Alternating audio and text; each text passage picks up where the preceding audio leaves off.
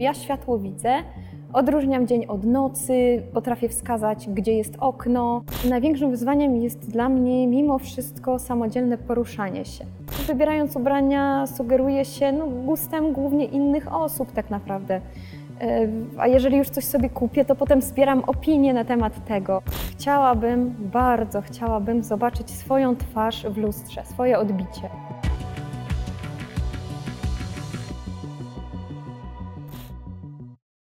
Nie widzisz od 27 lat, czyli od urodzenia. Dlaczego co się stało? Właściwie to przyczyna jest do końca niezbadana. Y, Na pewno jest to wada genetyczna, bo w rodzinie więcej takich osób nie ma i mam też niewidomego brata. Y, Prawdopodobnie jest to uszkodzenie nerwu wzrokowego. Czy to jest tak, że ty nie widzisz w ogóle, czy być może e, widzisz zarysy postaci, czy jesteś w stanie ocenić na przykład, czy jest dzień, noc, jak to wygląda? Y, Ponieważ ten nerw jest y, uszkodzony, ale jednak w jakiejś tam szczątkowej formie go posiadam, y, to ja widzę światło. Są takie osoby, które nie widzą zupełnie nic i one mówią, że nie widzą nic, to znaczy nawet nie ciemność, nie czerni, tylko nic. Czego ja z kolei nie rozumiem, bo ja światło widzę, odróżniam dzień od nocy, potrafię wskazać, gdzie jest okno, y, potrafię wskazać źródło światła, czasem widzę światło odbite na przykład od jakichś błyszczących przedmiotów. Ale kolorów, zarysów zupełnie nie. Część niewidomych to osoby, które ym, w pewnym etapie swojego życia przestały widzieć. E, Te osoby są w takiej sytuacji, że one mają w pamięci to, jak wygląda świat. Ty nie miałaś okazji e, przekonać się na własne oczy, jak on wygląda. Zastanawiam się, w jaki sposób wyobrażasz sobie na przykład morze albo niebo? Y, Właściwie to wyobrażenie jest y, oparte trochę na opisach, a trochę na czymś, y, co we mnie jest taki, ujawym to, myślowy prototyp morza czy nieba. Jeżeli o morze chodzi, jest jeszcze łatwiej, bo morze dostarcza innym zmysłom wielu wrażeń, więc ja morze wyobrażam sobie jako dźwięk, jako falę, jako dotyk wody. Natomiast jeżeli chodzi o niebo, to tak naprawdę wyobrażenia nieba nie mam. Wiem, że można na nim dostrzec chmury, które układają się w różne kształty, czy też mają same w sobie różne kształty, że to niebo ma różne kolory, ale dla mnie niebo nie jest czymś wyraźnym. A czy są przedmioty albo rzeczy, e, których no, z jakichś powodów nie jesteś w stanie sobie wyobrazić? Na przykład ostatnio czytałam książkę o stacji, Międzynarodowej Stacji Kosmicznej i kompletnie sobie tej stacji z zewnątrz zwłaszcza nie umiem wyobrazić. Tak naprawdę nie wiem, jak ona wygląda. Y, I to jest jeszcze o tyle trudniejsze, że nigdy nie widziałam na przykład modelu, bo jeżeli ktoś opisze mi budynek, to ponieważ widziałam jakieś modele różnych budynków, to potrafię je sobie wyobrazić, a ponieważ nigdy nawet nie widziałam modelu takiego statku kosmicznego, to zupełnie nie wiem, jak on może wyglądać. Wspomniałeś o tym, że czasem e, wyobrażenia osób niewidomych odbiegają od rzeczywistości.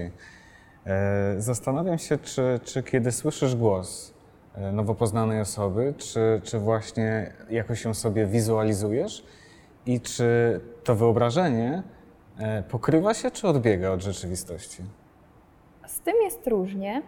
Y, Nie zawsze wyobrażam sobie nowo poznaną osobę, ale często tak. To też zależy tak naprawdę od tego, jakie wrażenie zrobi na mnie głos tej osoby. Natomiast te wyobrażenia jakieś zawsze się pojawiają. Przede wszystkim y, staram się z głosu odgadnąć wiek. Chyba to jest y, pierwsza rzecz, o której myślę. Ale czasem też przychodzą mi na myśl inne cechy charakteru. Na przykład, jeżeli słyszę wysoki, delikatny kobiecy głos, y, taki dziecięcy, to wyobrażam sobie tę kobietę jako filigranową, drobniutką. Mhm. Możemy zrobić eksperyment? Bardzo jestem ciekaw, jak, jak wyobrażasz sobie boję. mnie po głosie. Ciebie? Hmm, jak sobie wyobrażam Ciebie po głosie? Chyba, że ktoś ci podpowiadał wcześniej. Nie, nie, nie, nie, nikt mi Ciebie nie opisywał. E, wyobrażam sobie Ciebie jako szczupłego, Dziękuję. e, trzydzie- 30-paroletniego, między 30-35 e, gościa. Trudno mi sobie wyobrazić, jaki masz kolor włosów. Na pewno wyobrażam sobie, że masz krótkie i że jesteś przystojny. O, dziękuję. A proszę E, bardzo. Ja, ja, jak włosy byś obstawiała? Raczej blond czy brunet? Ciemniejsze? No jasne, blond. A, widzisz. tak to właśnie jest z tymi wyobrażeniami. Mhm. Często słyszy się y, o tym, że osoby niewidzące mają wyostrzone pozostałe zmysły. Czy to dotyk, węch, ale chyba przede wszystkim słuch. Czy, czy, czy Twoje doświadczenia by to jakoś potwierdzały? Czy Ty słyszysz więcej niż przeciętny Kowalski? Słyszę więcej niż przeciętny Kowalski, ale nie wiem, czy to dlatego, że mam lepszy słuch, czy to dlatego, że umiem lepiej z niego korzystać. Yy, nie przypominam sobie, żeby prowadzono na ten temat jakieś badania, a sama jestem ciekawa, czy na przykład mam więcej receptorów czuciowych w palcach, czy tylko umiem po prostu lepiej yy, korzystać z dotyku. Yy, także to jest może nie zupełnie mit i nie zupełnie prawda, coś, coś pośredniego. Na pewno sprawniej korzystamy ze zmysłów, czy mamy je bardziej wyostrzone, trudno powiedzieć. A gdyby przełożyć to na jakiś przykład, na jakąś życiową sytuację, która pokazuje, że potrafisz skuteczniej, efektywniej korzystać na przykład ze słuchu? No na przykład, y, jeżeli idę samodzielnie, no to korzystam ze słuchu i wtedy na przykład y, stukam laską i słyszę, czy po mojej lewej stronie jest y, budynek, czy po mojej lewej stronie jest jakaś nisza, która mogłaby oznaczać drzwi. Y, dźwięk zupełnie inaczej odbija się od wiaty przystanku, a zupełnie inaczej odbija się od pustej przestrzeni. I ja po prostu no, muszę się właśnie tym dźwiękom przysłuchiwać. Myślę, że osoby widzące faktycznie miałyby duży problem z takim zadaniem. Kasia, jakie codzienne czynności są dla Ciebie największym wyzwaniem? Y, największym wyzwaniem jest dla mnie mimo wszystko samodzielne poruszanie się y, po mieście. Myślę też, że po nowo poznanych budynkach, ale przede wszystkim po mieście i to jest rzeczywiście wyzwanie spore, bo y, jeżeli ja staram się gdzieś dotrzeć, to najbardziej lubię, jeżeli najpierw ktoś pójdzie tam ze mną i pokaże mi, jak się tam idzie, no i potem na tej podstawie ja już mogę sobie tę trasę odtworzyć. Natomiast jeżeli mam pójść gdzieś, gdzie yy, nigdy nie byłam, lub jeżeli się trasa zmienia, na przykład jest remont, to wtedy jest to duże wyzwanie. Czy to jest tak, że ty faktycznie musisz zapamiętać liczbę kroków? Musisz pamiętać, że w odpowiednim momencie trzeba skręcić w lewo? Liczba kroków nie, to, że w odpowiednim momencie trzeba skręcić w lewo, tak. E, to znaczy, zapamiętywanie trasy przez osoby niewidome opiera się na charakterystycznych punktach tej trasy. Czyli na przykład, jeżeli ja idę do yy, sklepu, to wiem, że jak minę na przykład klatkę schodową, to potem za tą klatką kilka kroków będzie yy, zakręt w prawo, a potem jak na przykład obniży się teren, to wiem, że muszę yy, przejść przez przejście w lewą stronę i tak dalej. To są takie konkretne punkty. Czy często czujesz zagrożenie? No bo jednak ulica, przejście dla pieszych, samochody. Y, zagrożenie nie, ale nie mogę pozwolić sobie na samotny, odprężający spacer, a przynajmniej w bardzo niewielu momentach sobie na taki spacer mogę pozwolić. Nie zagrożenie, ale jestem zawsze skupiona. Czy ludzie, których spotykasz na ulicy, czy oni bywają pomocni, czy, czy panuje jakaś powszechna znieczulica? Czy jednak możesz liczyć na to, że ktoś podejdzie i, i, i pomoże ci dojść w odpowiednie miejsce? Ja myślę, że ludzie przy mnie to wręcz wydobywają z siebie pokład dobra, o którym może sami by się nie podejrzewali. ja absolutnie jestem przeciwniczką poglądu, że świat jest zły, a ludzie nie czuli bo dla mnie ludzie są bardzo dobrzy, ogromnie życzliwi i y, bardzo często doświadczam pomocy ze strony ludzi. No to akurat pozytywne, co mówisz? Bardzo pozytywne, pewnie, że tak też. Dzieci się interesują, pytają rodziców. Y, wtedy czasem rodzice bywają zakłopotani i nie wiedzą, co odpowiedzieć. A o co pytają dzieci? Dzieci najczęściej pytają, mamo, a po co tej pani ten kijek? I mama albo jest zakłopotana i udaje, że tego nie słyszy, y, no bo czuje się trochę skrępowana, mówiąc jakby o mnie poza mną. No albo odpowiada, albo mówi dziecku cicho, cicho. I ja w takich okay. sytuacjach najczęściej staram się do tych osób podejść i powiedzieć tej pani, że właśnie warto wytłumaczyć dziecku, y, tak żeby też y, i dziecko, i dorosły mieli poczucie, że to jest coś normalnego, o czym można swobodnie porozmawiać. Jak w takim wypadku powinna wyglądać taka odpowiedź? Co rodzic powinien odpowiedzieć dziecku, kiedy to pyta, jak rozumiem, o białą laskę? Rodzic powinien powiedzieć dziecku, że ta pani jest niewidoma, a to oznacza, że nie widzi tego, co się przed nią znajduje, a więc na przykład nie widzi, czy ma przed sobą przejście przez jezdnię, albo czy ma przed sobą jakiś słupek i dlatego ma taką białą laskę, którą dotyka przestrzeni przed sobą i dzięki temu wie, e, co się przed nią znajduje, dzięki temu na przykład się nie potknie. Można też zaproponować dziecku, żeby zamknęło oczy i spróbowało iść prosto albo dokądś dojść. Czyli zupełnie najprostsza odpowiedź jest najlepszą. Dlaczego więc Twoim zdaniem niektórzy wolą odpowiedzieć cicho, cicho? Z czego to wynika? Myślę, że nie wiedzą, jaki ja mam stosunek do swojej niepełnosprawności i czy to mnie nie uraża, czy to mnie nie boli. Czy to jest przesadna obawa w Twojej ocenie? W mojej ocenie ona jest przesadna, y, ale rozumiem ludzi, którzy taką obawę mogą mieć. Y, Ona może jest też przesadna o tyle, że pytanie zadaje dziecko. A dziecko właśnie po to zadaje pytanie, żeby poznać świat. Może trochę bardziej mi to przeszkadza. W przypadku dzieci nie przeszkadza mi to w ogóle. Może trochę bardziej mi przeszkadza, kiedy podchodzą do mnie właśnie osoby dorosłe i nie znając mnie w ogóle, zaczynają zadawać mi serię pytań. Wtedy bywa to rzeczywiście niekiedy kłopotliwe. I o co Cię pytają? Pytają mnie o najróżniejsze rzeczy, począwszy od tego, dlaczego nie widzę, czy mi jest ciężko, albo nieraz wypowiadają taką myśl, pani to musi być ciężko. Y, Pytają, czy się uczę, czy pracuję, czy mam chłopaka. No naprawdę o najróżniejsze rzeczy pytają. Y, I też w różnej formie. Jedni właśnie po prostu z ciekawością, życzliwością, wtedy te pytania nie denerwują mnie, Mhm. a bywa i tak, że y, jest to taka litość i wtedy to mi przeszkadza. Pytałem Cię o to, jakie sytuacje życiowe bywają kłopotliwe. E, To przemieszczanie się jest pewnie największym wyzwaniem, a takie e, może mniej e, oczywiste przykłady? Myślę w tej chwili o dwóch rzeczach. Pierwszą z nich to jest znalezienie pracy. Osoby niewidome mogą mieć predyspozycję do wykonywania wielu zajęć, ale ze względu na niepełnosprawność nie wszystko mogą robić. Na przykład być może mogłabym być dobrą sekretarką, ale trzeba wypełniać wiele dokumentów ręcznie, szybko czytać wzrokowo, no i nie mogę być sekretarką. A jak wygląda Twoja sytuacja właśnie taka zawodowa? Czy Ty w tej chwili e, studiujesz, pracujesz? No ja właśnie y, rozwiązałam problem z pracą w ten sposób, że założyłam własną działalność. I moja działalność nazywa się Katarzyna Zawodnik Niezawodny Transkryptor. Zajmuję się transkrypcją nagrań, czyli przepisywaniem nagrań na tekst. Czyli na przykład mógłbyś mi zlecić, żebym spisała y, do Worda odcinki 7 metrów pod ziemią, no i ty mógłbyś to potem wydać jako książkę.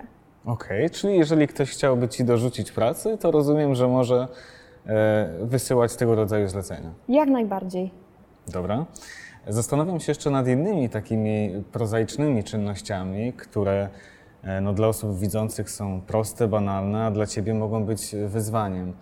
Co na przykład z gotowaniem, przygotowaniem posiłków? Czy to, czy to jest dla Ciebie e, wyzwanie, problem, czy masz to opanowane? Y, Akurat gotowanie posiłków nie jest problemem. Y, Wiele, jeżeli nawet nie wszystkie, rzeczy można wykonać samodzielnie. To nie jest trudne. Mam swoją kuchnię, ogarniętą przestrzeń, wiem, gdzie co się znajduje. Myślę, że możesz tu mieć na myśli na przykład rzeczy gorące, ale Tak, nie ma obawy o to, że dotknę gorącej kuchenki, bo ona paruje i jeżeli ja nawet czasem, nie wiem, nie pamiętam, na którym palniku zostawiłam garnek, to wyciągam rękę nad kuchenką i po prostu czuję, gdzie jest para i w ten sposób wiem, gdzie, gdzie się znajduje palnik. Także nie, to nie jest problem. A nóż? Nie, nóż to nie jest trudność. Jakoś to jest takie, no, Masz to opanowane. mam to opanowane. Myślę, co by mogło być takie trudne. No na przykład ja miałam duży problem z nauczeniem się obierania ziemniaków. Bo to jest jednak taka drobna, manualna praca i z tym miałam problem. Ale to był raczej mój problem, a nie, że każdy niewidomy go ma. To jest też bardzo indywidualne. Jedni lubią jakąś rzecz, drudzy sobie radzą lepiej z czymś innym. Raczej wygląda to w ten sposób, że gotowanie nie jest problemem. A co w takim razie z zakupami? Czy jesteś w stanie e, samodzielnie pójść do sklepu, zrobić zakupy, e, zapłacić za nie? Jak rozpoznajesz banknoty?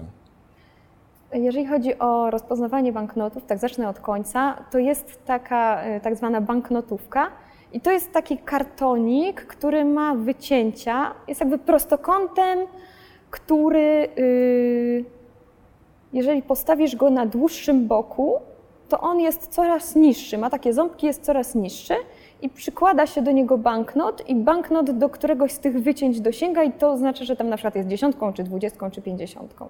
Ponieważ banknoty są coraz szersze. A monety? Monety są bardzo łatwe do rozpoznania, bo różnią się i wielkością, i brzegami. Na przykład 2 złote jest gładkie, ma gładki brzeg. Yy, Złotówka jest na przemian gładka i ma ząbki, a 5 złotych jest całe z ząbkami. Podobnie tam grosiki też wyglądają. E, A co z zakupami? Powiedzieliśmy o tym, że e, jesteś w stanie rozpoznać pieniądze, banknoty, monety, e, a jesteś w stanie samodzielnie pójść do sklepu i zrobić zakupy? Jeżeli robię zakupy, to proszę kogoś z obsługi lub zamawiam przez internet.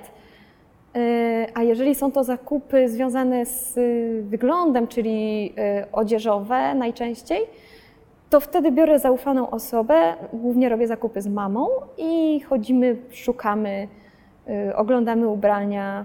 Ja wybierając ubrania sugeruję się no, gustem głównie innych osób tak naprawdę. Y, A jeżeli już coś sobie kupię, to potem zbieram opinie na temat tego. Sama mam jakiś tam gust i są pewne rzeczy, których nie założę, choćby mnie namawiano i zachęcano. Na przykład? Na przykład nie założę spodni z dziurami na kolanach i wystrzępionymi nogawkami, bo mi się to po prostu nie podoba. Okej. Ale y, nie jest tak, że każde ubranie potrafię ocenić. Bez pomocy widzącej osoby, y, przynajmniej przy wybieraniu i dopasowywaniu ubrań, nie byłabym w stanie, myślę, ubierać się w pełni gustownie i ładnie. A i tak czasem czuję się z tym bardzo zagubiona, kiedy jedna osoba, na której polegam, powie mi, że wyglądam w czymś dobrze, a druga powie, że jej zdaniem to nie wygląda najlepiej. No właśnie, e, komu ufać w takim razie? Skąd wiadomo, skąd wiesz, e, kto ma dobry, a kto zły gust? Na pewno ufam mamie, bo po prostu przez lata razem nauczyłyśmy się robić te zakupy. No a jeżeli poznaję inne osoby, to z czasem też dowiaduję się na przykład, y, czy często te osoby słyszą komplementy na temat swojego wyglądu, albo czy zwyczajnie same wydają się znać na tym temacie, y, swobodnie w nim poruszać, czy są pewne siebie i swojego wyglądu. I to też jest dla mnie jakaś zachęta do tego, żeby im zaufać. No ale zawsze jednak jest to kwestia zaufania, y, nigdy stuprocentowej pewności. W języku polskim jest e, wiele sformułowań, które no, zakładają, że wszyscy widzą. Na przykład do widzenia, do zobaczenia. Mówię o tym, bo zastanawiam się, czy, czy kiedy e, będę się dzisiaj z Tobą żegnał, czy ja mogę powiedzieć do zobaczenia, czy może jednak powinienem się wysilić na coś innego, typu do następnego, do usłyszenia. Jak się zachowywać w takich sytuacjach? No mam nadzieję, że mi powiesz do zobaczenia. Tak, można używać, to nie jest żaden problem. To tak jak z y, tym odpowiadaniem dzieciom na pytania. No, nie możemy programować świata pod nas. To, to świat jest jaki jest i trzeba y, w tym świecie żyć. Jak najbardziej zwroty do zobaczenia, czy widziałaś film, y, obejrzyj sobie tę rzecz, zobacz jak to wygląda, są jak najbardziej w porządku i na miejscu. Zdarzają Ci się sytuacje, kiedy ktoś e, no, mówi na przykład e, obejrzyj sobie ten film, a za chwilę łapie się e, na tym, że być może nie użył właściwego słowa, próbuje się poprawić i właściwie wychodzi jakaś taka kłopotliwa sytuacja? Tak, zdarzają się takie sytuacje i wtedy staram się właśnie uspokoić tę osobę, że nic nietaktownego nie zrobiła. Ludzie się potem dosyć szybko przyzwyczajają. A zabawne sytuacje także Ci się przytrafiają? Tak, zabawne sytuacje się zdarzają. E, Najczęściej to są moje pomyłki. E, Mogę przytoczyć taką sytuację, kiedy po napisaniu przeze mnie pracy magisterskiej zostałam zaproszona na e, takie spotkanie, które promowało czasopismo, w którym opublikowałam artykuł streszczający wnioski z tej mojej pracy. No i moje założenie było takie, że przyjdę, zasiądę wśród studenterii, jeszcze raz sobie przypomnę, jak to było, poklaszczę w wyznaczonych momentach, intelektualne spa i do domu. No po czym podchodzi y, moderator dyskusji i się pyta, czy chcemy słyszeć y, pytania kierowane bezpośrednio do siebie, czy to mają być pytania ogólne. No wtedy na mnie pada strach blady, bo że jakie pytania, jestem nieprzygotowana, ja w ogóle za bardzo nic tam nie przeczytałam, innych artykułów, jak mnie o coś zapytają, to co ja powiem. No więc już tu samo zaskoczenie, że ja mam brać udział w tej dyskusji i wtedy przysiada się jakiś gość i mówi cześć. Jak już się możesz domyślić, to cześć nie było wcale do mnie, tylko do kogoś, z kim on nawiązał kontakt wzrokowy. Ale że się przysiada, mówi cześć, to ja mówię cześć. Czy my się znamy? Nie, nie znamy się i przedstawiam się. Ja też mu się przedstawiam. Nazwisko powinno mi coś powiedzieć, ale w życiu nie jest zawsze tak, jak powinno, więc e, myślę sobie, tak, to jest na pewno tak jakiś inny student i on tutaj też jest taki zagubiony jak ja, bo tak generalnie to sami profesorowie. Więc mówię do niego, wiesz co, tak się kurczę boję, bo ja jestem nieprzygotowana. Nie wiedziałam, że to ma być jakaś dyskusja. Chciałabym, żeby mnie nie zapytali. On na to, no ja też bym nie chciał być zapytany. A to co, ty się tu doktoryzujesz? Pytam, nie, ja tu jestem habilitowanym. Czyli to był wykładowca. I to był wykładowca, który się na szczęście nie obraził i oczywiście bardzo z humorem do tej sytuacji podszedł, ale zdarza się właśnie, zdarzają się takie sytuacje, albo pomyłki co do płci i powiedzenie do kobiety proszę pana. Trudno jest pomylić płeć po głosie, ale zdarzają się takie głosy, które naprawdę są mylące. Bardzo rzadko, ale bywają. Ale ludzie ci wybaczają te pomyłki. Tak, ludzie są bardzo wyrozumiali i śmieją się razem ze mną z tego. Tak, tak. Jak wspomniałem na początku, masz 27 lat, przed tobą całe życie, a jak wiemy, medycyna idzie do przodu. Gdyby za jakiś czas pojawił się ktoś, kto byłby w stanie włączyć twój wzrok choćby na kilkanaście minut, co bądź kogo chciałabyś w tym czasie zobaczyć? Jak chciałabyś wykorzystać ten czas? Przede wszystkim chciałabym, bardzo chciałabym zobaczyć swoją twarz w lustrze, swoje odbicie. Bo jeżeli chodzi o wygląd moich włosów, o moją sylwetkę, to jestem w stanie porównać z innymi osobami, ale najmniejsze pojęcie mam o swojej własnej twarzy. Więc moim wielkim marzeniem byłoby tę twarz zobaczyć. Yy, Też jest tak, że my niewidomi, nie wiem, czy nie jesteśmy nauczeni yy, rozpoznawania cech charakterystycznych twarzy, czy może nie da się tego nauczyć, trudno mi powiedzieć, ale wiemy na pewno, że moja twarz jest najmniej mi znana, jeśli chodzi o moje ciało. I tego jestem bardzo ciekawa. Chciałabym zobaczyć na przykład, jak się uśmiecham, yy, albo jakie robię miny. Bardzo chciałabym to zobaczyć. A bliscy? Miejsca? Przedmioty? No na pewno bardzo chętnie zobaczyłabym e, moją bratanicę i chrześnicę. E, w ogóle chciałabym zobaczyć wszystkich moich bliskich. Jeżeli chodzi o miejsca, hmm, może nie tyle miejsca. Chciałabym zobaczyć kolory. Chciałabym wreszcie zrozumieć, co to znaczy kolor.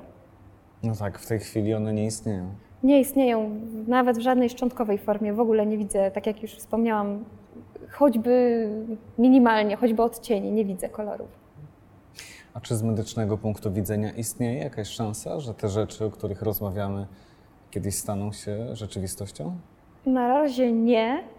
E, Swego czasu myślałam o komórkach macierzystych, ale szybko okazało się, że one mi nie pomogą, E, więc nie, teraz to jeszcze jest niemożliwe i ja też nie myślę o tym, nie poświęcam temu zbyt wiele uwagi.